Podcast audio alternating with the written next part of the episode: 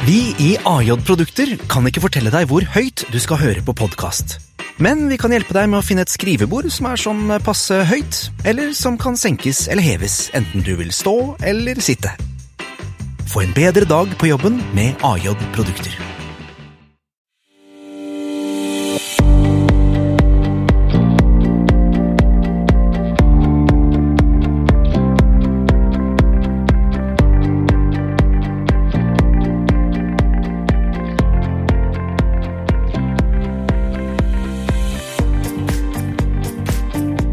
Hei og velkommen til Skifters podkast. Ukens gjest var medgründer i Ottovo, og etter noen år så ville han starte sitt eget selskap, og da blei Wanda født. Litt uvanlig da at en CFO blir gründer, eh, men det var, det var det kanskje selvsagt eh, for deg. Eh, Lars Syse, velkommen. Takk for det. Du er altså da daglig leder og medgründer av Wanda. Hva er Wanda? Eh, Wanda, sagt på en sånn kjedelig måte, så er det et, eh, en logistikk- og, og tjenesteplattform. Eh, litt morsommere er at vi løser praktiske hverdagsproblemer for folk som bor i by. Eh, og litt mer visjonært så er det et selskap som muliggjør bærekraftig forbruk og bærekraftige forretningsmodeller, da. Er det det der? Alle, alle baker inn bærekraft Ja. i det de driver med om dagen. Var det utgangspunktet for å starte Wanda, eller er det sånn du ser at ja, men det bidrar til bærekraft, så la oss eh, snakke om det? Nei, det var faktisk utgangspunktet. Så eh, som du sa i stad, så, så jobbet jeg eh, en stund i eh, Otovo, eh, eh, og eh, som åpenbart er et selskap innenfor fornybar energi. Eh, og samtidig er jeg far til eh, tre barn, eh, bor i by, og ble utover i Otovo-reisen mer og mer frustrert over at det skjedde lite, i hvert fall tilsynelatende lite, på, på bærekraftig forbruk. På bærekraftig energi, fornybar energi, syns jeg det skjedde mye. Teknologiene fins, de begynner å skalere, prisene kommer ned, adopsjonsraten går opp. Mens på forbrukssiden så syns i hvert fall jeg, da, som, fra mitt perspektiv som, som trebarnsfar, at det skjedde veldig lite. Eh, og hvor egentlig moderne e-commerce så ut til liksom å ta rotta på de recommerce-initiativene som kom, da. Det skalerte liksom aldri utover loppemarked. Så det var starten, og i hvert fall nysgjerrigheten som ligger bak eh, Wanda som selskap, da. Bare, altså, men hva med finn.no, da? Det er jo recommerce. Det er helt riktig, og hvis du ser på plattformer som finn.no og Advinta, så good as they might seem, så, så har de ganske lav effektivitetsgrad. På Adevinta sine plattformer for eksempel, så er det sånn at ca. 30% av de annonsene som legges ut, blir til en transaksjon. Det vil si at 70% gjør ikke det. Um, så det er ganske mange barrierer uh, som fins uh, fra det å uh, på en effektiv og enkel måte da, kunne forbruke på en, på en bærekraftig måte. Og det er jo Brukkjøp og salg er en del av det, men reparasjon og vedlikehold, det å bare ta vare på ting, er også en viktig del av det.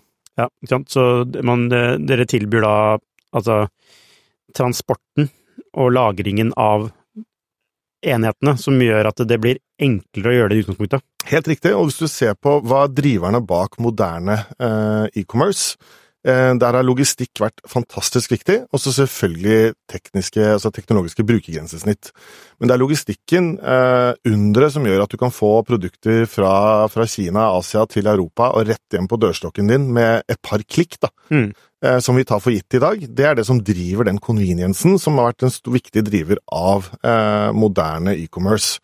Hvis du ser på adopsjonsraten for fornybar energi, så ser du at det er først når det blir både lønnsomt og enkelt at folk orker å liksom ta den investeringen det er da, og kjøpe f.eks. et solcelleanlegg. Men hva er det Wanda gjør som er så veldig mye enklere enn for eksempel Finn da, og hjemlevert? Ja, det skal vi snakke litt om.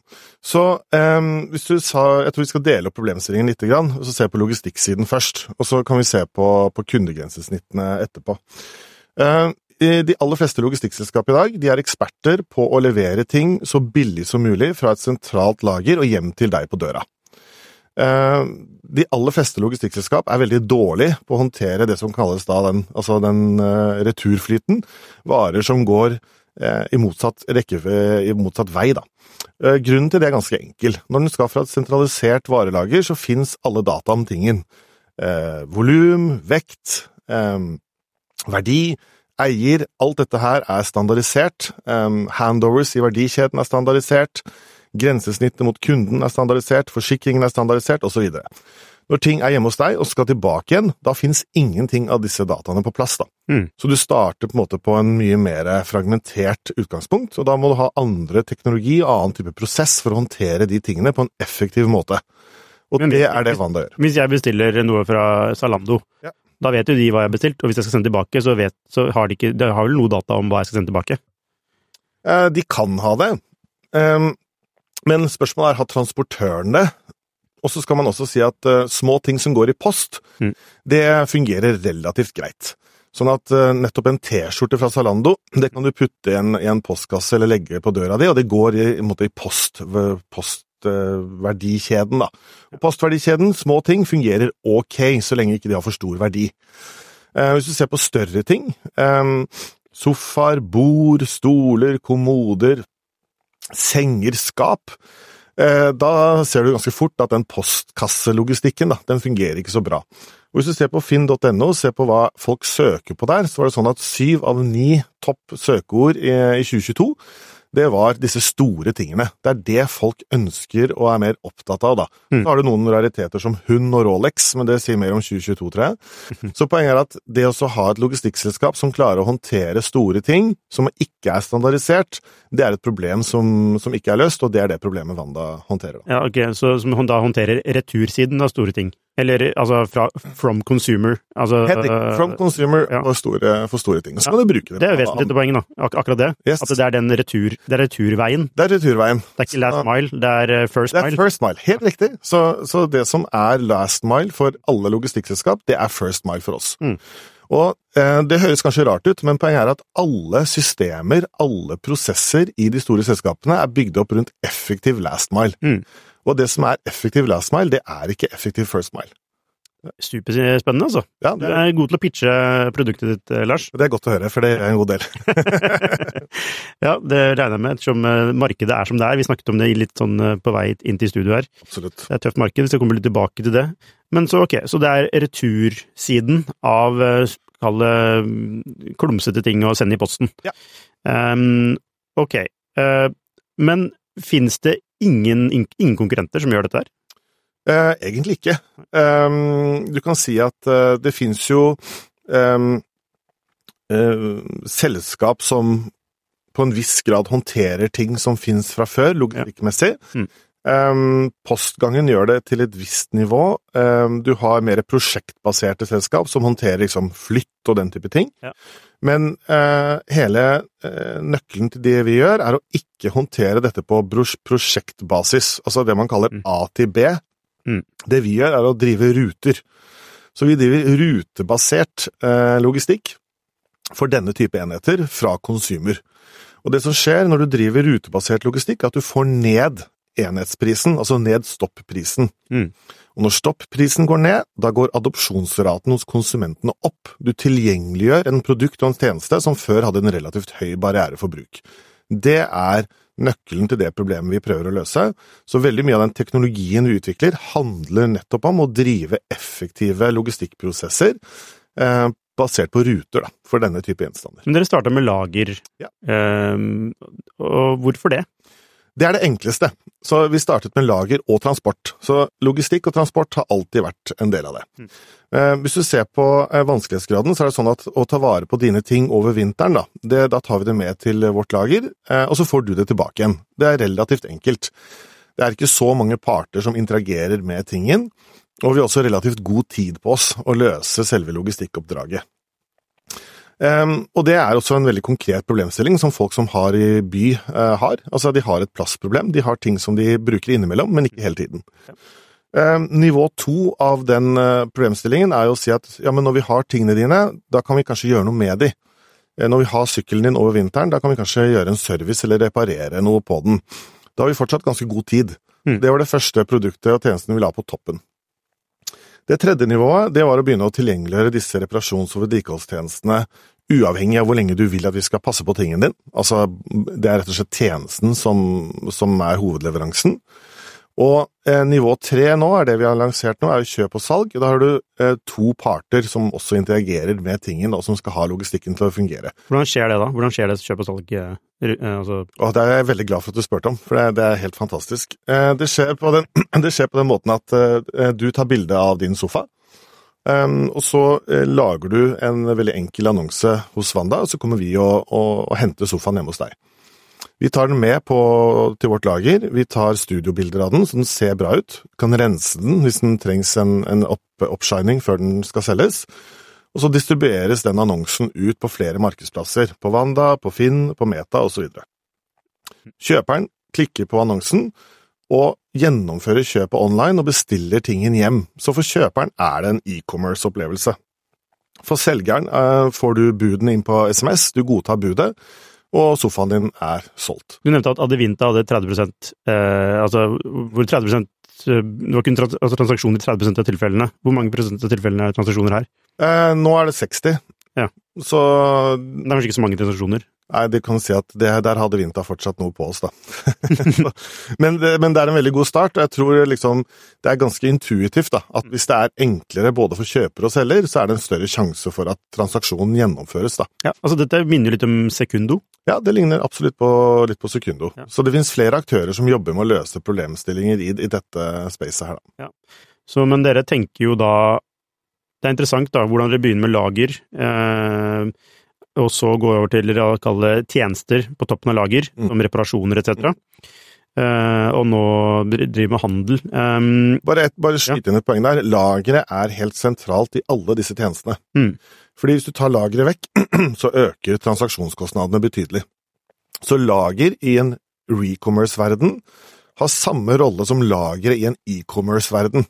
Det eh, fungerer som en mellommann, en mellomstopp, mellom en kjøper og en selger, og tar ned transaksjonskostnaden. Det gjør at man trenger ikke å koordinere når man skal møtes. Det er jo kjedelig å måtte dra hjem til bonden for å liksom melke kua. Det, det er lettere å gå på butikken. Butikken er et mellomlager. Eller Oda er et mellomlager, da. Og på vår, i vår logistikk så er, har lageret akkurat den samme rollen. tar det lengre tid, da? Det kan ta lengre tid, det kommer litt an på. Eh, hvis du ser på um, Hvis jeg kunne møte deg i dag, og du kunne møte meg i dag, eh, og vi klarte å koordinere det, så kan det gå fortere. Da må du selvfølgelig legge inn den tiden du da skal ut og bruke på å leie en tilhenger, eller få en kamerat til å være med deg i varebilen og sånne type ting. da. Ja. Så i, i, i medgått tid så kan det ta noe lengre tid. Nå er det vel et par dager som er det raskeste vi kan gjennomføre den transaksjonen på. Og og så jeg inntrykk av at dere er litt, litt sånn mer litt sånn sentraliserte strøk. Ikke så For jeg har selv prøvd å bruke Wanda. Eh, Det er Asker, som ikke er langt fra Oslo. Og, eh, altså i Vollen, da. Eh, Vollen kommer snart på kartet. ja, det sa Mathias til meg også. Kollegaen din. det er et år siden. Ja. Nei, det, det, det kommer nok snart. Vi har, eh, vi har gjort noen grep på logistikksiden som gjør det, men du har i utgangspunktet rett. Altså, Wanda er en tjeneste for eh, større byer, der folk bor relativt tett, sånn at vi kan kjøre ruter som er effektive. Ja. Fordi rutelønnsomhet er en sentral del av den forretningsmodellen vi har. Så dere havner aldri i grisgrendte strøk? Neppe. Neppe. Ja. Um, men er ikke det litt trist, da, med tanke på det bærekraftsperspektivet, at alle burde få muligheten til å bruke vann, da? Jo, det, det er det. Så jeg tror at uh, for vår del så handler det først og fremst om å løse dette problemet først. Em, og så er spørsmålet da, ok, hvis du har en lønnsom drift i Norge, finnes det på en måte en måte å franchise ut dette konseptet på? Det gjør det nok, mest sannsynlig, Eh, men det føles ut som et, eh, et problem vi skal være litt forsiktige med å prøve å løse nå. Vi har mer enn nok av liksom andre ting vi skal få til å fungere først, da. Men tilbake til lager, altså den opprinnelige Wanda-tjenesten, som er lager. Ja, ja. Um, altså, hvor stor Altså, hvor stor eh, driver var det på inntektene versus da det derre serviceleddet på toppen? Altså, hvordan, hvordan er forhold, forholdet mellom de? Eh, nå, i, altså, nå i dag så er det ca. en tredjedel mellom hver del. Så du kan si logistikk er en tredjedel, lager er en tredjedel, og tjenester er en tredjedel. Ja. Eh, hvordan det kommer til å utvikle seg over tid, eh, det gjenstår å se. Men hypotesen vår er at forholdet mellom de kommer til å være relativt stabil. Rundt en tredjedel hver. Fordi det er en integrert forretningsmodell. Sånn at selv ting som vi, vi selger, genererer lagerinntekter. Mm. Det er forresten en annen veldig fin eh, del av vår business. Da. For de fleste retailere er jo varelager et problem, men for oss så genererer det revenue. Eh, og sykler som skal repareres, eh, er også på lager osv. Og, og alle tjenestene, både lager og tjenester, genererer logistikkinntekter. Så dette er en integrert og relativt balansert forretningsmodell. la oss si jeg skal få reparert sykkelen min. Ja. Er det sånn at det lønner seg for meg å gjøre det på Wanda, eller, eller er det lønner seg meg å gå til den lokale sykkelreparatøren og få den fiksa der? Ehm, Jeg vil si at eh, noen ganger så lønner det seg for deg å gjøre det på, på Wanda, og det kommer i hvert fall litt an på hvordan du sånn, verdsetter din egen tidsbruk, da. Ja. For det må jeg liksom, må jeg ha, må jeg ha, verdi fra lagervirksomheten hvis jeg bare skal få fiksa sykkelen min? Nei, absolutt ikke. Det er opp til deg selv. Så Jeg tenker at Kosten må bli høyere når dere i tillegg transporterer sykkelen. Altså dere reparerer den og transporterer den. Det må jo være billigere å bare få den reparert. Eh, ja, så hvis ikke du har noe vilje til å betale for å få hentet sykkelen din hjemme hos deg selv, da, Mm. eh, så er det rimeligere for deg å, å legge den inn i bilen og, og kjøre den til, eh, til eh, et sykkelverksted. De aller fleste som har prøvd da, å transportere sykkelen sin til et sykkelverksted, de ser på ripene i, i lakken og så i bagasjerommet, og så tenker de at ok, neste gang så, så hadde det vært deilig hvis noen kunne hente denne sykkelen for meg, da, som faktisk kan transportere sykler. Eh, Men det er et, det er et convenience, eh, convenience-element her. Men, men det vi ser, er at folk er villige til å betale for denne type logistikktjenester, fordi, nettopp fordi det er et praktisk, konkret problem. Ja. Du har en elsykkel som, eh, hvor motoren er gått i stykker. Da da er det ikke så lett å transportere den. Nei. Du har en sofa som du skal ha renset eller du skal ha solgt. Da er det en ganske en, en stor rekke av oppgaver da, som du må løse selv, og det har folk betalingsvillighet for, da, heldigvis. Hva med søppel? Eh, søppel, eh, da regner jeg med at du tenker på ikke, ikke liksom husholdningssøppel, men, eh, men, men ting som Ting som du må kjøre på, på sånne gjenvinningsstasjoner etc.? Ja, det kan vi snakke litt om. Jeg tror eh, eh, noe av grunnen til at ting kjøres på gjenvinningsstasjoner i dag, og kastes, da, er at det er vanskelig og dyrt å både reparere det og få det solgt. Det er en del folk som sier åh nei, selge ting brukt, det orker jeg ikke. Skal ha masse folk som kommer inn i leiligheten min og ser på den sofaen og sånn. Um, så den ene dimensjonen er at vi ønsker at ting i mindre grad skal kastes. Um, på den annen side så er det sånn at noen ting helt klart har nådd end of life, da. Og da, og da skal vi selvfølgelig liksom håndtere det. Så i dag så har vi resirkuleringstjenester på hvitevarer, da. Så det er det første vi har tilbudt. Sånn at hvis du har en, en vaskemaskin eller et eller annet som du ikke får solgt, og den, den, eh, den lønner seg ikke å reparere, så kan vi hjelpe deg med å få den eh, resirkulert, da. Um, altså, ok, du hadde en idé om å uh, med Wanda. Altså, hva, liksom, var, det første, hva var det første steget du gjorde? Altså, hva var det første, altså, en ting er at du, jobb, du jobber i et gründerselskap, Ja. og det er jo litt sånn, det er ikke bare bare liksom, å gi seg. Uh, ikke sant? Så, så måtte, hvordan Beskriv prosessen. Ja, det er um, For det første så tror jeg det først uh, for meg i hvert fall dreier seg om å bli nysgjerrig på et problem. Så hvorfor er det sånn? Og det kommer nok eh, Den nysgjerrigheten på problemer kommer nok også som en del av det å jobbe i et gründerselskap, hvor veldig mye av det man gjør, er å løse problemer. Um, og, og jeg ble nysgjerrig på dette, liksom, hvordan skal vi leve og, og på en måte forbruke en by på en bærekraftig måte? Hvordan ser dette ut om ti år, da? Og hvorfor skjer det ikke noe? Uh, og så brukte jeg ganske lang tid på, på å grave i den problemstillingen, egentlig. Og, og Wanda er ikke noe åpenbart selskap. Det fins ikke 40 av de, så det er ikke sånn 'å ja, noen har gjort dette et annet sted'. Så jeg brukte sikkert eh, ja, eh, sikkert et par år på å modne fram at dette problemet var, var noe som var interessant å jobbe med, da. Sa vi, var det, var det, var det flere? Jeg hadde jo flere som vi diskuterte problemstillingen med, både folk som jobbet i O2 og andre, em, som er liksom nysgjerrig på, og som en hobby nesten, da, Ja. å liksom se på ulike problemstillinger og, og jobbe med de. Uh, og, og så til slutt så var det da, var vi en liten gjeng som tenkte at ok, det her eh, er kanskje noe som er verdt å prøve å løse, da, på å få til å skalere. Um, og da måtte du ta den beslutningen på liksom, ok, skal jeg slutte i Otovo, eller skal jeg bli værende? Og det var en veldig veldig vanskelig beslutning, da, fordi jeg er så glad i det Otovo som selskap og menneskene der. Um, men samtidig så var det sånn at Otovo på den tidspunktet hadde rukket å bli et ganske stort selskap. Og før jeg startet i Otovo, så jobbet jeg som CFO i et europeisk selskap. Og på det tidspunktet så var Otovo blitt et europeisk selskap, og jeg jobbet som CFO. Så på en måte så hadde en del av min personlige utvikling, da, hadde, hadde kommet til en sirkel hvor det var naturlig for meg å se på ok, hvordan kan jeg jobbe med å utvikle meg selv videre, hvordan kan jeg lære noe mer? Og da, og da, da var det naturlig å starte Wanda, når man fikk muligheten til det. da. Mm. Men eh, ok, så eh, ja, du, du har en eh, god grunn til å tenke på andre ting, og du har jo da, jeg kaller det et opplevd Eller er det, det er kanskje mer at du ser en mulighet, basert på din egen livssituasjon. Ja. Ser du en åpenbar mulighet, Ja. og ikke, minst hvor er det samfunnet går. Mm. Det går. Vi må finne noen bærekraftige løsninger. Her er det en åpenbar mulighet. Ja. Eh, vi, eh, når altså, kom du kjapt til løsningen? Altså etter at dere liksom Eh, Vi brukte, fra vi satte oss ned og tenkte virkelig nå skal vi prøve å løse dette, så brukte vi et halvt år. Ja. Da hadde vi en, do, en del workshops sammen med dyktige logistikkfolk, eh, hvor vi brukte mye tid på å liksom diskutere kan dette gjøres logistikk, mm, på et logistikkmessig sett. Da? Kan, kan dette løses, og hva trengs for å løse det? Mm. Um, og da, når vi begynte å jobbe intensivt med det, så var det et, et halvt år med relativt sånn hyppige diskusjoner, hvor vi også til slutt da hadde en såpass tydelig problemstilling at vi kunne møte et par investorer. Ja. Uh, og vi brukte ikke mye tid på det, uh, men vi hadde flaks og møtte noen investorer som også så på verden sånn som vi så på den. Ja. Var det noen av disse investorene med og, på disse workshopene i forkant? Eh, ikke i forkant, men de var med helt på slutten. Ja, ikke sant. Så før dere skulle hente penger, så hadde, hadde dere involvert investorer. Ja, ja. Hvor viktig var det?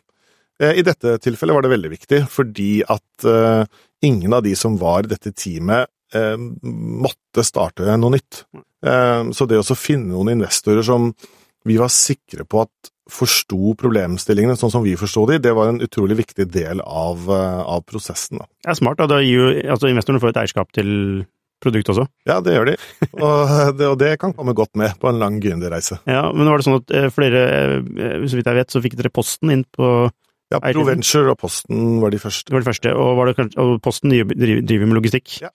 Så kanskje noen av de som deltok. Eh, ja, vi hadde flere møter med Posten, Ja. eh, og, og vi hadde flere møter med, med Proventure også. Hvordan var prosessen med å få de pengene fra Proventure og Posten? Altså, hva, var det enkelt? Eh, nei, enkelt var det ikke, men, men, eh, men de bruker jo Og da er det jo så pre-seed eh, stage, når ikke produktet er live engang. Og da bruker jo de mye tid på å forstå, eh, både bli kjent med teamet. Har dette teamet de kvalitetene som trengs da, fra, Mm. av dette fra en hypotese og ut til et eh, live produkt? Eh, og eh, forstår vi liksom hvilke byggeklosser som skal til for å løse problemet. Ja. Så det var, det var ikke enkelt, så, og i den fasen så må man bruke litt tid. Men hvem var teamet da? Eh, da var det det originale eh, start, start gründerteamet i Wanda, og så hadde vi med et par eksterne logistikkeksperter som vi sparret med. Og også så brukte vi eh, et pro produkt- og designselskap som heter Heydays, som, eh, som også var med å, i den prosessen. Ja, så, så måtte altså, medgründerne i Ottovo var med på den prosessen? I Wanda, unnskyld. Eh, å, ok, ja. Så hvem, hvem- altså, hvor mange er det? Hvem Det var fem stykker. Fem stykker, ja. De har Sovet, Ja. Um, en som heter Predrag Popic, kommer fra, kom fra Oda eh, og et konsulentselskap innenfor operations, og har liksom logistikk og operations-innsikt og erfaring fra Oda sin skaleringsreise. Eh, og så har vi eh, Øystein Løseth, som i dag er kommersielt ansvarlig, som eh, er en ekspert på å håndtere både partnerskap, og det skjønte vi veldig tidlig at kom til å bli viktig i Wanda-reisen, og også lært fra, fra liksom Otovo-tiden rundt dette med å være partner med solcelleinstallatører, Ja. hvor viktig det er å håndtere de partnerskapene på en, på en god måte. Ja. Um, så hadde vi et, et tech-team med en som heter Yves, som var leder av det, og kom fra Circle K. Um, og så kan du si at eh, Og så hadde vi også flere andre eksterne rådgivere som var viktige i den, i den prosessen. da. Hvordan, altså Circle K, det er der du jobba før, Ja. så du kjenner sikkert han fra det. Ja. Eh, Mathias jobber i Heydays, eller jobbet i Heydays i hvert fall. Jobbet i Heydays, ja. Eh, så det- det- Han har sett en rolle der fortsatt også, Ja. kjenner han rett? Ikke sant? Ja. Eh, så det var, var det på den måten han kom inn i prosjektet? Eh, Mathias, eh, altså, Mathias hadde jeg blitt eh, kjent med delvis gjennom noen prosjekter vi hadde gjort i Otovo også. Ja. Så Heydays kom inn i, inn i prosjektet på den måten. Mm. Ja. Og disse to andre, han ene fra Oda og han Oda, ja, Oda han, altså Predag, han var den eneste som vi faktisk lette aktivt og sourcet selv. da. Ja. De andre kom via bekjentskaper og via møter og via diskusjoner. Em, og så Predrag kom uh, via aktiv måte, rekruttering. Og uh, også hun som uh, ble sjef for vekst, Karin Berg, kom også måte via aktiv bruk av nettverk. da. Ja. n- Når vet du at du er teamet som skal gå hen til penger? Altså, hvor, altså Noen henter jo penger med én altså en person eller to Ja. personer, ja. men dere var jo ganske mange og hadde et ganske komplett team. Mm. Altså, Hvorfor den strategien, og ikke hente tidligere? Eh, fordi at eh, naturen av problemet som skal løses, gjør at det var ikke mulig å gjøre det med to personer. Mm. Du måtte liksom ha et, eh, et tech- og produktpar eh, som kunne drive den delen eh, av det. Og du måtte ha eh, ressurser som kunne jobbe med operations, da. Ja. Og, og, logistikken. Så, sånn sett så kan du si at Wanda, og, og, det hører man jo ofte også fra investorer, Wanda er en relativt komplisert startup. Det er ikke kun en software som skal uh, ha en app eller en landingsside, det er en et totalt liksom, verdikjede som skal driftes. da. Mm. Og så var det jo eh, På vekstsiden så, så, bestemte vi oss for at det kan vi gjøre selv, eh, og bytte og, og, dele mellom oss første halvåret. Uh, før vi fikk inn en dedikert vekstansvarlig, da, som ble Karin Berg, som kom til oss fra, fra Komplett og Altså Når du sier vekst, så tenker du markedsføring? Markedsføring. Ja. Mm. Vekst høres bedre ut. Det høres bedre ut. Det, er det vi sier. Det er ikke bare marketing, da. Det, jo, det kan være salg også, for eksempel. Ja, ikke sant. Nettopp. Eh, ok, så da, da er, det, er, det, sånn at alle sier opp jobbene sine og starter i Otovo, eller er det sånn eh, eh hvis vi henter penger, så starter vi? Eh, her var det faktisk sånn at uh, når vi hadde fått en go fra investorene, da sa folk opp. Ja. ja. Nettopp, ikke sant. Så det var, det var smart, da. I, den, I det selskapet var det smart, fordi de, man hadde ikke kommet av flekken uten noe startkapital. Ja. Eh, man måtte ha biler, vi måtte ha noe kapital til noen flere utviklere osv. Så, videre. så Så Wanda er liksom en startup du ikke kan bootstrappe. Ja. Det betyr ikke at jeg mener at bootstrapping eller, eller på en måte en annen måte å starte på er feil, det er bare at Wanda kunne man ikke starte på den måten. Nei. Eh, det høres eh, eller det tror jeg du har rett i. Uh, så hvis man ikke starter med noe mindre, da, som gradvis kan bygge seg opp til å bli noe større og større, og større, og så har man penger til å starte Wanda. Ja, vi, vi, vi, så på det, men vi, vi klarte liksom ikke helt å, å, kombinere det med den farten vi måtte ha for å bevise at, at dette kunne fungere.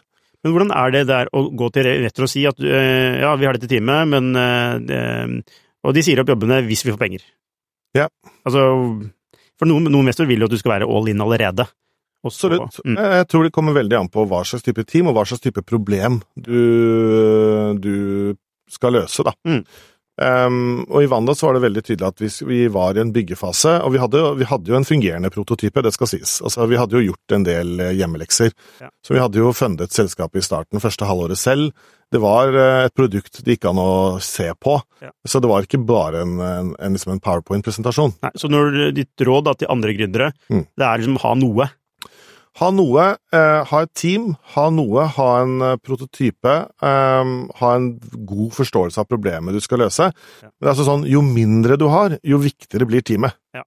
Eh, så hvis du har et team med, med, lang track record, så er det nok mulig å hente kapital på mindre, altså en mindre konkret produkt. da.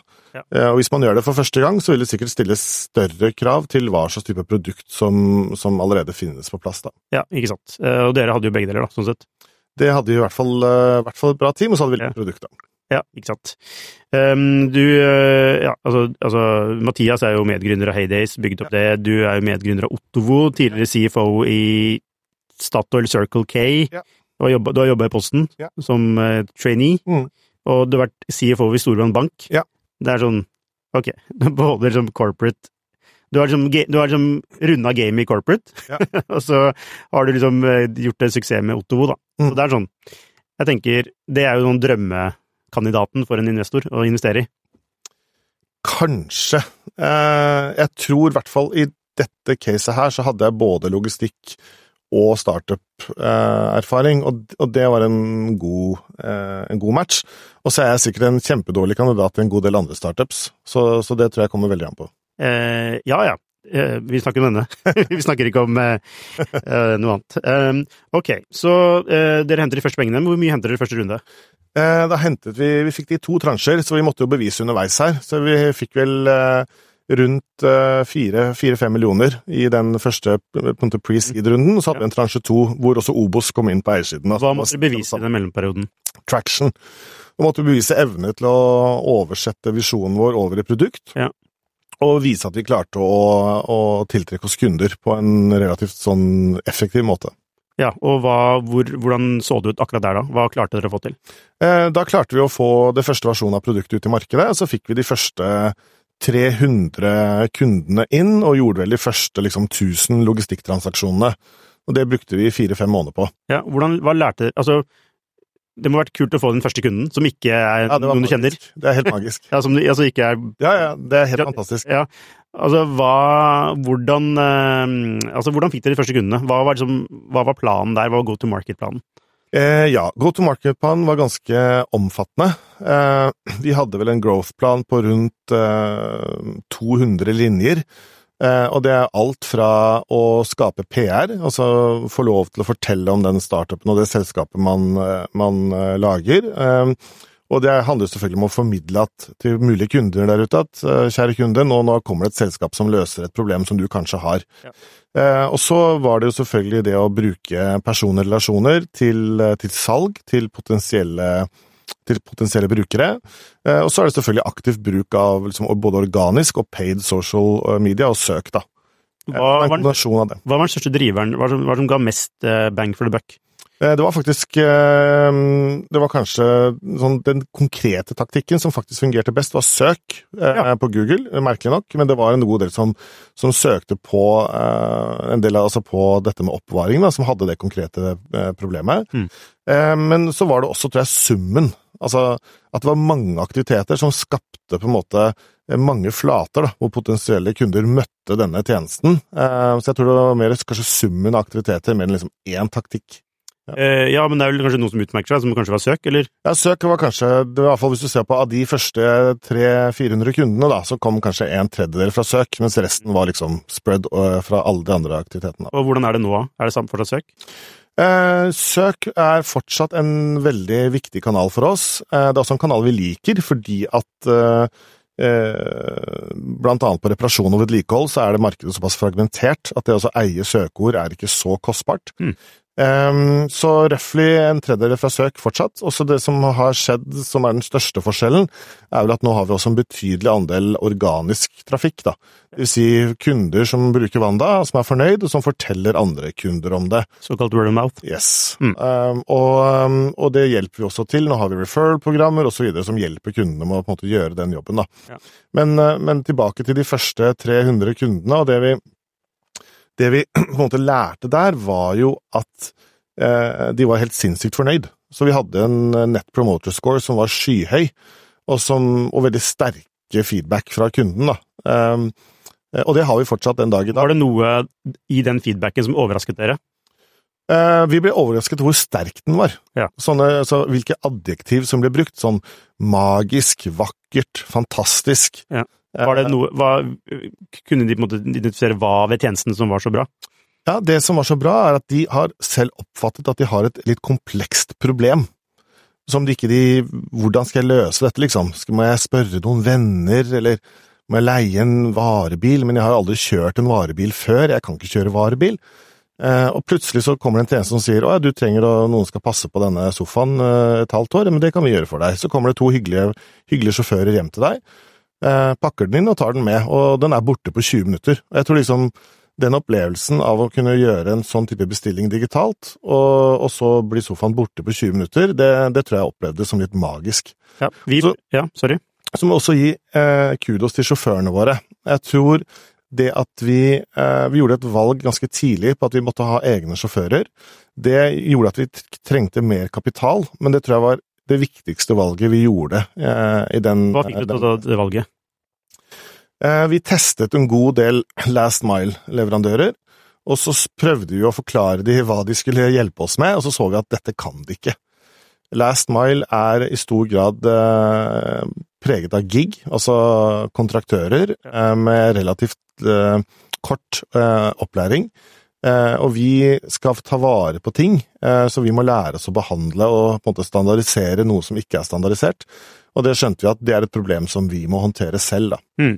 Eh, og, og de sjåførene gjør også det at kundene våre opplevde et kundemøte som var ekstremt positivt, kontra det de kanskje hadde forventet seg. Og det var også en viktig del av, av at de ble så fornøyde, og, og da begynte å fortelle andre om det igjen. da. Så dere brukte ikke Postens eh, Ikke på henting, Ikke på henting, kun på levering? kun på levering. Ja, for det kan du jo. De kan levere, det er masse folk som kan levere, og det er noe av det vi liker også, at vi kan, vi kan fokusere på, på henting. Vi gjør også levering når vi har kapasitet til det, Eh, men på leveringssiden der kan vi samarbeide med, med mange eksisterende logistikkaktører. Hvor mange er i Wanda nå? Eh, nå er vi ca. 15-16 eh, i kjernetime, og så er vi en eh, totalt en 25 sjåfører, tenker jeg. Ja. Hvordan har, vært, hvordan har det vært å være gründer? Altså, altså, du har jo vært medgründer tidligere, men nå er det jo, måtte, er det jo ditt navn altså, som er ansvarlig. Eh, på en annen måte. Altså, det er jo, du er jo måtte, hoved... Det eh, hovedansvarlig for selskapet. Hvordan, er, hvordan har det vært? Eh, jeg vil si at rollen daglig leder liksom, i dette selskapet versus den rollen jeg hadde tidligere, den er annerledes. Når det gjelder selve det også hvordan det føles å starte selskapet, så føles det veldig likt. Ja. Vi er et team som eh, jobber sammen med å løse problemer, og det var veldig likt i både O2 og Wanda, så den delen av det føles egentlig mm, veldig lik, vil jeg si. Hva er annerledes ved rollen, bortsett fra dette med altså at det er annerledes oppgaver, da, men altså hvordan er det å være gründer nå i den rollen? Um, jeg tenker at eh, en av de viktigste eh, jobbene jeg har, da, er å være veldig tydelig på ha en tydelig visjon for selskapet, ha en tydelig visjon for hvilke problemer vi skal løse, og hvordan vi skal løse det. Og det er en eh, tydelighet som ligger veldig tett opp mot det å være eh, daglig leder, eller sjef, om du vil. Eh, og um, i Wanda så har jeg et større ansvar for å både bære og formidle det, den visjonen da, enn en det jeg hadde i, i O2, for eksempel. Du sa noe interessant der. Du sa at du hadde et ansvar for å, å måtte fortelle altså, altså, altså, artikulere visjonen, ja. eh, men også hvordan, hvordan, man skal gjøre det. Ja. Altså, de, altså, det er jo to skoler der, på at man skal liksom være tydelig på visjon, ja. eh, og så er det opp til de ansatte å definere hvordan man skal gjøre jobben. Men er du veldig på sånn vi må gjøre det på denne måten. Noen ganger. Ja, ok, På, på, på hva da? Altså. Nei, men det er sånn at um, i uh, Og jeg syns ikke Dette er vel en mer sånn uh, norsk eller nordisk ledelsesdiskusjon. Det jeg har lært meg å ikke være glad i, det er absolutter. Mm. Og sånn, så sånn den ene skolen som sier ledelse er strategi, det er liksom eh, Og så skal alle andre finne ut av hvordan, men lederen skal ikke det. Ja vel, det er en absolutt. Mm. Og så har den andre skolen, da, som sier liksom at lederen skal fortelle akkurat hvordan ting skal løses. Ja, det er jeg også helt liksom, uenig i. Jeg tror ikke det er en sånn one size fits all. Jeg tror det er avhengig av type problemer som skal løses, da. Og, og noen problemer kan jeg være en aktiv bidragsyter eh, til. Jeg kan også være, og noen eh, sider så skal jeg ta et tydeligere ansvar, for eksempel på hvordan er det eh, selskapet skal organiseres, hvordan er det vi skal jobbe, hvordan er det vi skal utvikle kulturen i selskapet? Det er områder hvor jeg skal ha en tydelig mening og være hands on. Og så er det andre områder hvor jeg absolutt ikke skal det. Og så syns nok teamet sikkert at jeg har for mange meninger allikevel, men, men hvor jeg prøver å i hvert fall være lenger unna, da. Hva har du lært som led... Altså, dette er en ny lederrolle for deg. Ja. Hva Altså, har du liksom gjort noen eh, Altså altså, er, Jeg liker ikke ordet tabber eller feil, men altså, har du gjort noen ting som du tenk, i ettertid tenker at, at det kunne gjort løst på en annen måte, og hva har du lært av det? Eh, ja, eh, jeg syns at eh, noen ting så skal jeg være tydeligere på, på eierskap eh, til noen type oppgaver. Og denne jobben må liksom ta ansvar for å sette fokus, da. Det, det, er en viktig del av, eh, av, min jobb. Og selv om man er masse dyktige mennesker i et team, så må man allikevel på en eller annen måte finne ut av hva skal vi prioritere nå, da? Mm. Eh, for hvis alle de dyktige menneskene prøver å løse 15 problemer samtidig, så, så går det tregt. Ja. Så vi må på en eller annen måte komme fram til i hvilken rekkefølge skal vi gjøre tingene, og det er det viktig at jeg tar eierskap til. Um, Gjorde du ikke det i starten? Kanskje ikke i stor nok eh, grad. Um, men i starten var vi også et bitte lite team som snakket sammen. Eh, det var liksom et teammøte, var gjort på, på over en kaffekopp, da. Ja. Så det var kanskje en periode der hvor det ble litt for kanskje demokratisk, da. Vi prøvde å løse litt for mange problemer samtidig, mm. og skjønte at vet du hva, vi må faktisk, vi må faktisk ta den jobben med å, med å, strukturere og prioritere, og det må noen gjøre, og det, det ansvaret faller på meg, da. Hvordan innså du det? Jeg innså det fordi vi prøvde å gjøre for mye samtidig. Vi prøvde å løse for mange deler av problemstillingene samtidig. Da så vi at vet du hva, nå blir vi litt trege. Nå går produktutviklingen vår sakte fordi vi, vi, jobber på for mange fronter samtidig, da. Ja. Uh, ok, så dere Men hvordan, hvordan, hvordan, hvordan er måte Hvordan ser en sånn typisk uh, Altså dag og strategi, altså hvordan ser strategien ut? Altså hvordan jobb, og hvordan iverksetter dere strategien? Altså Bruker dere sånne OKRs etc., eller? Ja, Vi kan snakke litt om, om det. Altså, vi har noen mål som vi, som vi jobber med. Da lener vi oss mot OKRs. Jeg vil ikke si at vi liksom har implementert textbook, Nei. men vi har en, i hvert fall en ganske tydelig formening om hva som er de to-tre viktigste objectives da, som vi skal nå innenfor et eller annet tidsperiode. Ja, hva er, det, hva er den tidsperioden hos dere? Nei, det er typisk et eh, kvartal pluss minus. Ja. Så liksom, noen ganger kan det være to måneder, andre ganger fire måneder. Noen problemer krever litt lengre tid, da. Mm. Eh, og vi er fortsatt et relativt lite selskap, så vi er liksom ikke sånn kvartalsdrevne på den måten. Men, men, i, men hvis det er for kort, så, så gjør man jo ikke noe annet enn å definere mål. Og hvis det er for langt, så blir det liksom for ullent, da. Mm. Så det er en mellomting der. Ehm, og det jobber vi med sammen. Um, og når vi har blitt enige om det, så, så går vi over i en execution mode. Og den execution moden består jo både av liksom produkt, altså digital software og produktutvikling, og mer sånn konkrete ting som vi jobber med i operations. Da. Det kan være skiftplaner eller, Ja. eller rekrutteringsstrategi eller sånne type ting. Men den første delen av det, hvordan konkret lander dere på hva som er det viktigste? Ehm, Det gjør vi i, eh, i en eh, ledergruppediskusjon, hvor vi sitter sammen og ser på de datapunktene vi har om hvordan virksomheten utvikler seg. Ehm, Vi ser på hva har vi lært fra kundene våre. Vi har ekstremt mye kundefeedback inn i Wanda. Det er en av de viktigste måte, tingene med oss som selskap. Da. Vi har kundekontakt eh, både fysisk, som mange selskaper ikke har, gjennom sjåførene våre. Um, og på mange andre måter også. Se på hva kundene våre sier, og så ser vi på hva er liksom rammebetingelsene rundt oss. Og det er et godt eksempel på noe som har endret seg dramatisk de siste 12-18 månedene. Uh, hva er det investorene og måte, markedet krever av oss nå? Mm. Og så har vi en diskusjon sammen og, og lander på, på måte, det som er det viktigste. Og hvis vi ikke blir enige, så bestemmer jeg det til slutt. Da sier jeg ok, da, da gjør vi det sånn. Ok, men det gir en sånn tidsfrist? Bli enige innen da? Nei, men vi har, vi har en halv dag, da, hvor vi, vi sitter og diskuterer. Mm. Og noen ganger er det ganske obvious, ikke sant. Ja. Eh, så sier vi ok, men det, det problemet her, det er jo nytt. Eh, og det har vi fått nå fordi vi har skalert på dette området eller et eller annet. Mm. Det, må vi, det må vi løse nå. Eller nå, for eksempel, da vi ser at vi har helt andre rammebetingelser. Plutselig er lønnsomhet for en startup mye viktigere enn det det var. Ja. Eh, vi må på en måte komme til lønnsomhet på logistikkvirksomheten vår raskere enn det vi trodde. Mm. Er, det, altså, er, det, er det en av de viktigste tingene dere jobber med nå? Ja, og det oppnådde vi jo nå i sommer for første gang. Da hadde vi en Nå i juli og august så har vi hatt da lønnsomhet på logistikkplattformen i Oslo, da, som er vår første og største by. Og der vi på en måte må vise lønnsomhet først. Mm. Og Det er en enorm milepæl, og så er vi ikke ferdig eh, på noen som en slags måte. Men det å bevise at man kan drive eh, vår type logistikk lønnsomt, det er det ingen som har gjort før. Og det er en enorm liksom, risikofaktor, hvis du ser på dette som et, eh, fra et investorperspektiv. Mm. Så det å bevise at det var mulig, det var viktig for oss, og det skjønte vi at det måtte vi gjøre veldig raskt nå, da. Dere er også i Sverige, ikke så feil? Det er helt riktig. Andre land?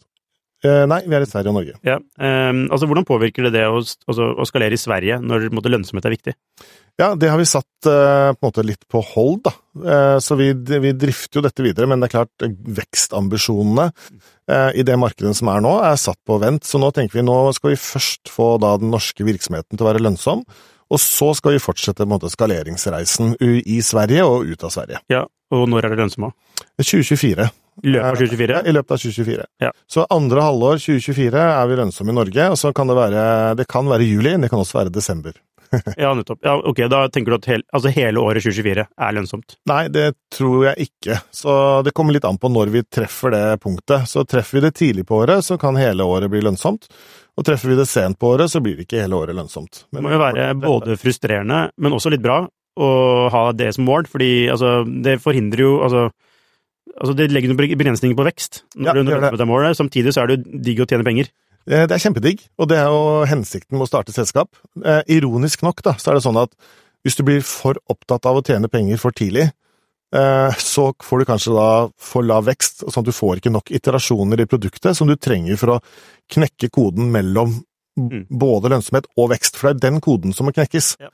Og hvis du legger for mye trykk på det ene eller det andre, så når man ikke dit. Og det er den balansen der vi må passe på nå, da, sånn at vi ikke vi, vi blir så opptatt av lønnsomhet at vi liksom struper veksten eh, helt, eh, for da kommer vi heller ikke i mål. Ref det du sa om absolutter i stad. Ja. Det handler om eh, balanse. Det handler om balanse. Eh, Men det var ikke altså, Jeg har inntrykk av at det var ikke så mye balanse eh, fram til 2021. Nei, det kan du godt si. Mm. Eh, og, det, og det tror jeg nok var eh, til dels usunt, da. Jeg tror, eh, og jeg tror ikke nødvendigvis det heller det var selskapene sin feil. I Wanda har vi alltid, alltid vært opptatt av kundelønnsomhet, for eksempel. Og hatt en veldig sånn tydelig plan for hvordan vi skal utvikle kundelønnsomhet. Og samtidig så var det åpenbart et kapitalmarked hvor det å kunne vise til ekstrem rask vekst og ekstremt rask ekspansjon var viktig.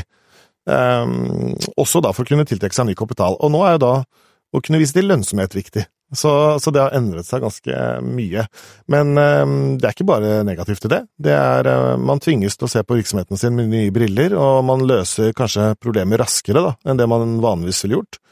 Um, så jeg tror at uh, Og noen går konkurs. Og noen går konkurs. Mm. Det jeg skulle til å si at Hvis man overlever dette, da kommer man nok ut i en veldig god posisjon. Og samtidig er det helt klart at det er en del selskap som ikke kan og kommer til å, å overleve det, fordi, også delvis fordi at den endringen er så rask, da. Ja. Fra liksom ekstrem vekst til ekstrem lønnsomhet. Um, hvis du er midt i svevet, så kan det være en litt sånn kinkig eh, problemstilling. Men jeg antar at dere, som alle andre selskaper som også skal være i vekst, eh, har behov for penger. Ja. Uh, hvordan har det vært å hente penger siste året? Kjempevanskelig. Um, jeg tror alle startups opplever det, og så er vel mitt sånn inntrykk av at eh, de mer modne delene av kapitalmarkedet har vært eh, tyngre. Hvis du ser på liksom børsnoteringer, serie, sene, late series og serie A, da, som veldig krever det, mens liksom pre-seed og early, eh, sånn kjempetidlig, virker som også Jeg sier ikke at det er enkelt, men der er det i hvert fall transaksjoner, da. Ja. Eh, og, og det er klart eh, jo Når du sier pre-seed, hva, hva, hva, legger du i det? før produktet er lansert. Mm. Så den aller tidligste fasen. Så du har ikke et produkt, eller du har akkurat lansert produkt, men du har kanskje, kanskje ikke inntekter ennå. Mm. Eh, Den aller, aller tidligste fasen. Ja. Um, så nei, kapitalmarkedene er kjempeutfordrende, og, og spesielt vil jeg si jo høyere grad av innovasjonsgrad du har i det du utvikler, jo verre er det. Fordi investorene nå bruker masse tid på sine eksisterende porteføljer.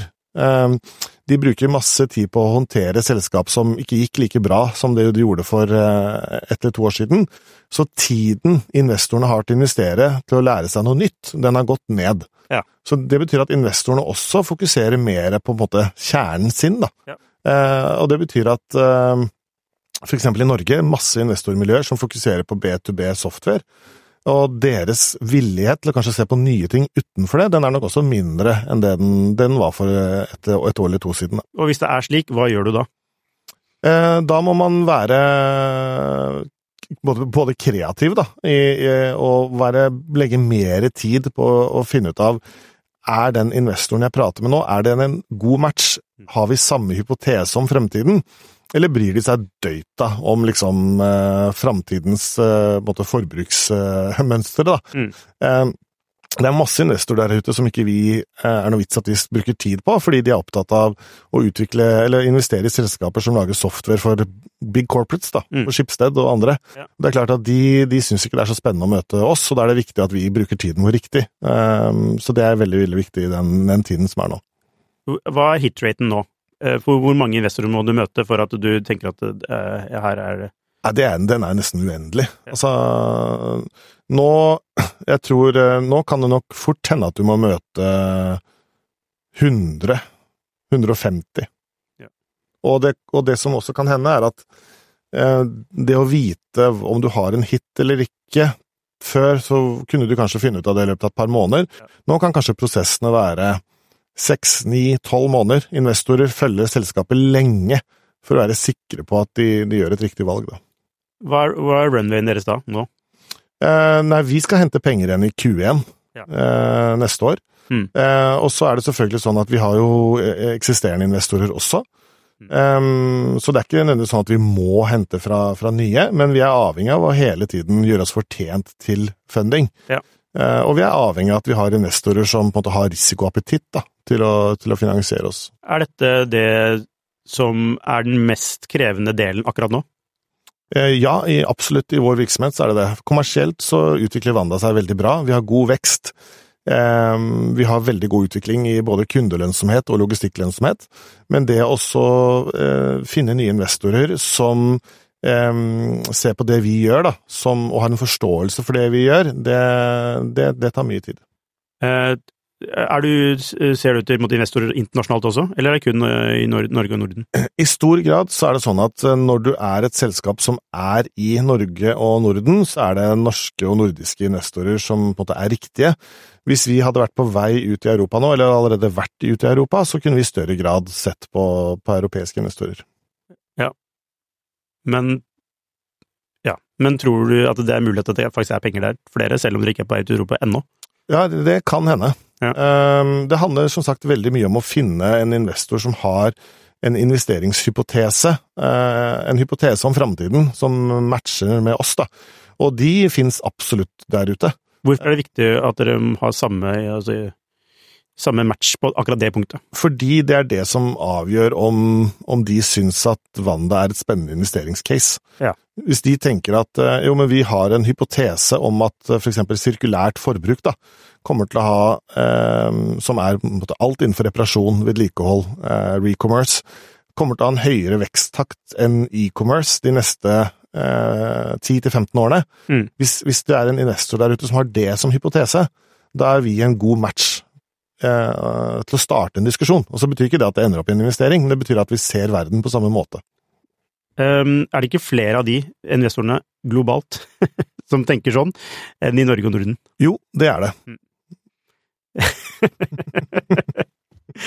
Nei, jeg bare eh, Jeg har snakket med mange selskaper som egentlig har fått en ny, altså en sånn ny øyeåpner. Altså Man tenker litt om å hente penger i Norge og Norden, men, men norske investorer er jo konservative. Ja.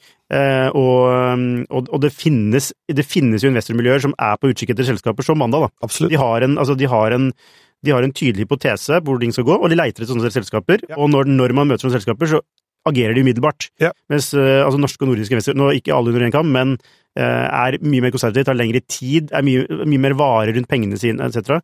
Eh, så Jeg opplever også at, eh, også at internasjonale investorer også har blitt mer forsiktige. Altså uten tvil. Men det er bare sånn, det er sånn jeg, tror du har rett i dette med match. Mm. Eh, altså er det riktig match, så er det riktig match. Fordi det er ikke så, Hvis ikke er mange av de selskapene som, som gjør det som dere, dere gjør, da, og, så er de faktisk på utkikk etter dere. Eh, Helt enig. Så, og, så, og vi jobber, altså vi snakker med investorer fra, fra hele Europa, vi altså. Ja. Um, og, og så får vi se, da. Eh, Jeg tror at um, eh, du, du trenger en viss form for momentum i finansmarkedene. Hvis alle har hypotesen at alt er billigere om seks måneder, Ja. da, da er det vanskelig å gjøre en deal. Mm. Men i det øyeblikket folk tenker sånn ja ja, ok, nå er det ikke sikkert det er billigere om seks måneder lenger, da begynner denne, da begynner denne mølla å, å, å rulle igjen, da. Men, eh, men akkurat nå så tror jeg veldig mange sitter på gjerdet. Hvor godt sover du om natta? Jeg sover veldig godt. Alltid? Eh, ja, det eneste som gjør at jeg ikke sover eh, godt, det er mer på sånn person, eh, personnivå. Ja. Altså kommersielle og finansielle problemstillinger, det, det lever jeg godt med. Um, jeg var blant annet CFO i, i Storbrann Bank under finanskrisen. Um, og det var jo krise hele tiden. Og når, det liksom, når du er i en sånn konstant state of crisis, så må du på en måte akseptere det, da. Ja. Så, så det, det går fint. Så hvordan, eh, hvordan løser du det å ikke eh, Og hvordan løser du det å akseptere det? Altså hvordan eh, Ja, det er et godt spørsmål. Jeg em, har brukt ganske mye tid på å lære meg å fokusere på eh, å gjøre de riktige tingene. Em, har vi forstått problemet riktig? Gjør vi de riktige valgene? Utvikler vi det riktige produktet? Har vi den farten eh, og kvaliteten i gjennomføring som vi trenger å ha? Mm. Eh, og fokusere på det, og så blir det litt sånn Ja, men resultatet, det får liksom Det får bli som det blir, da. Um, hvis, du, hvis, du har liksom, hvis du står på hoppkanten og skal hoppe, så liksom, hvis du har kjempefin oppdrift i bakken, så hopper du bakken ned. Hvis du får liksom bakvind, så lander du på kulen. Ja. Men du, du kan ikke sitte og, og nitenke på det når du skal hoppe. Da hopper du kort, da. Ja, altså du har helt rett i det.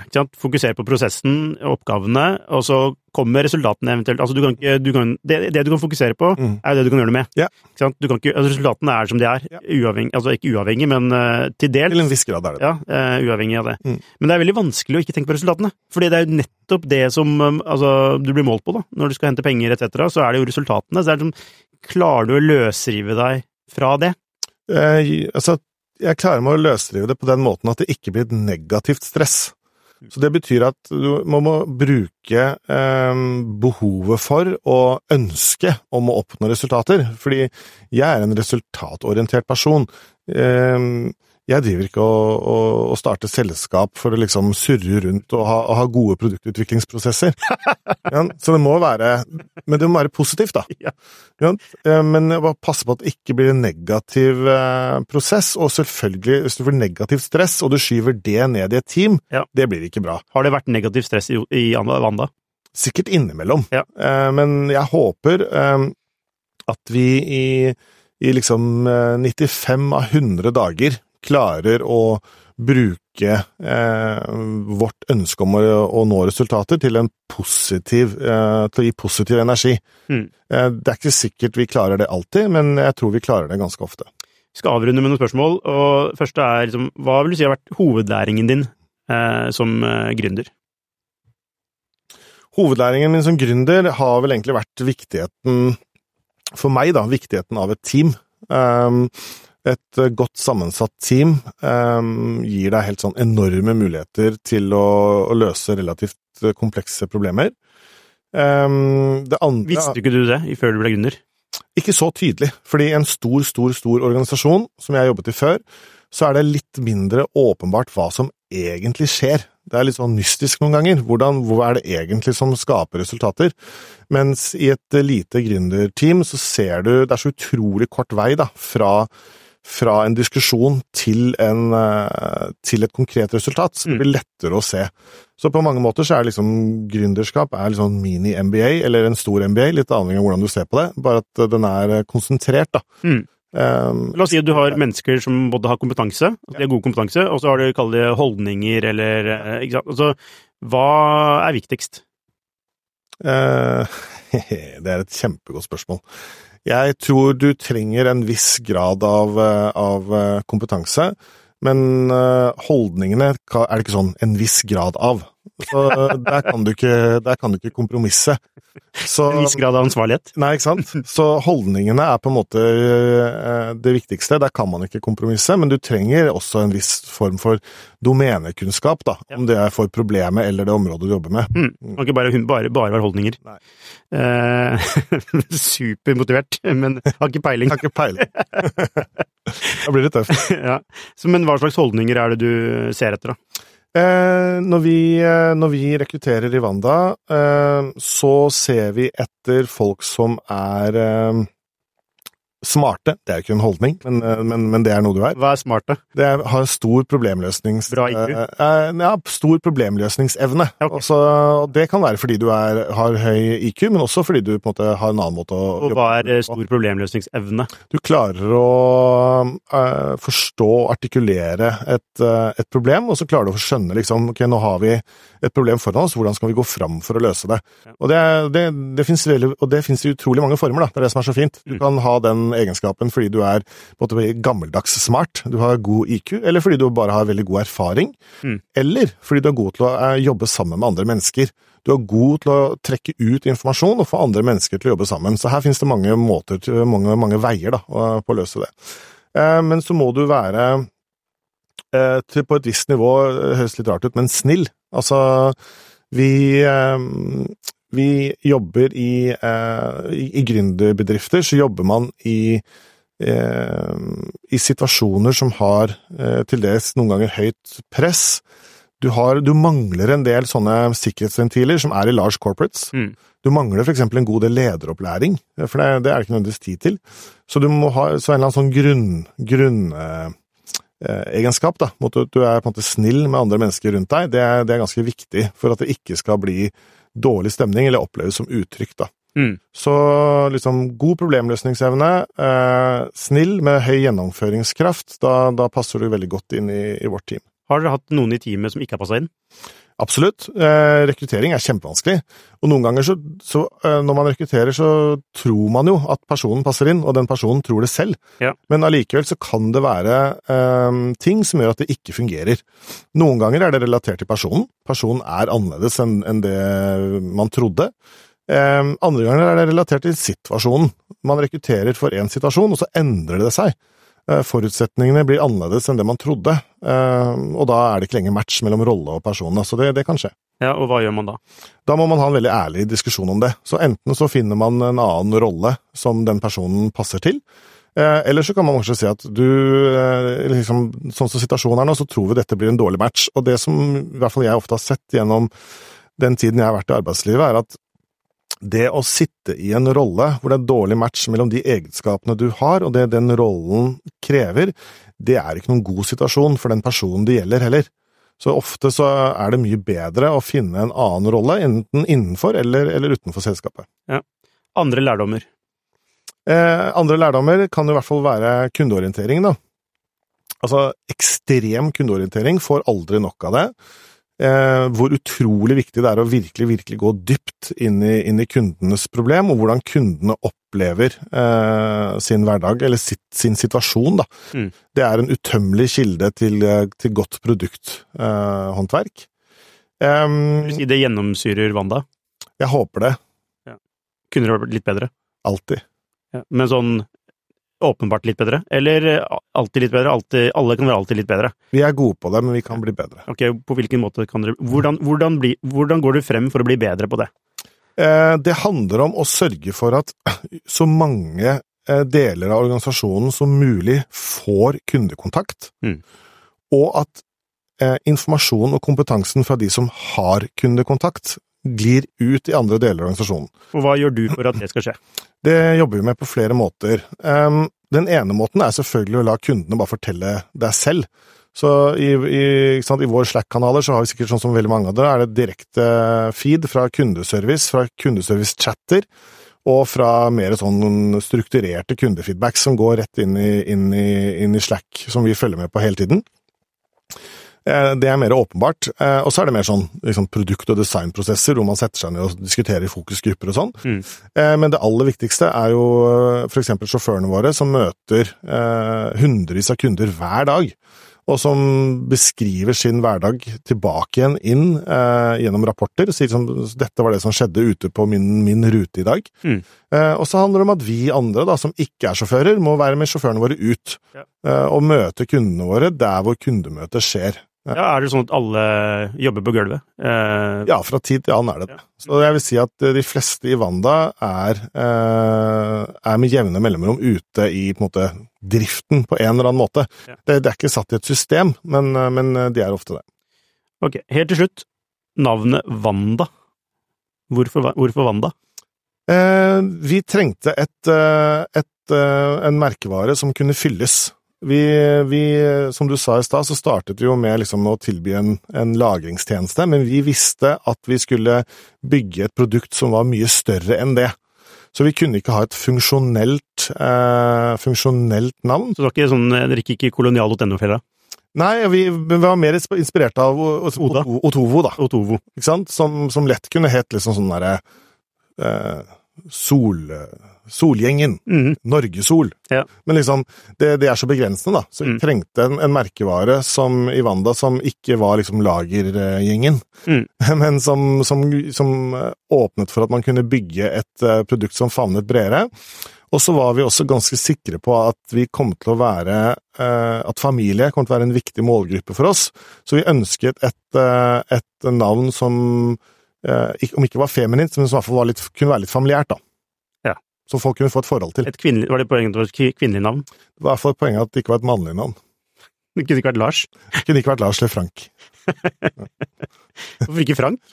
Nei, du, du, har jo Finn, da. Så liksom ja. Finn og Frank. Jeg syns uh, det var bedre med, bedre med Wanda. Tenkte dere på Frank? Hadde dere på som Nei, hadde nok ikke det. ok.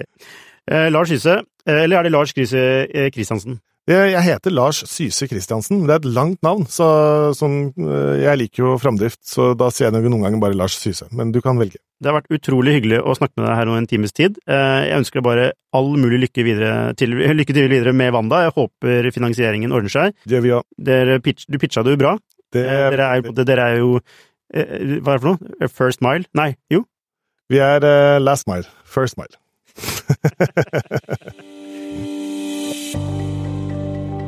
Hei, hvis du likte denne episoden, så abonner på den, og gi den gjerne en femstjerners rating med dine tanker. Hvis du er interessert i temaene vi tar opp på denne podkasten, så anbefaler jeg deg å gå inn på skifter.no, og hvis du mener vi fortjener det, så kan du gjerne støtte oss ved å abonnere på Skifter. Takk for at du hørte på, så ses vi neste uke.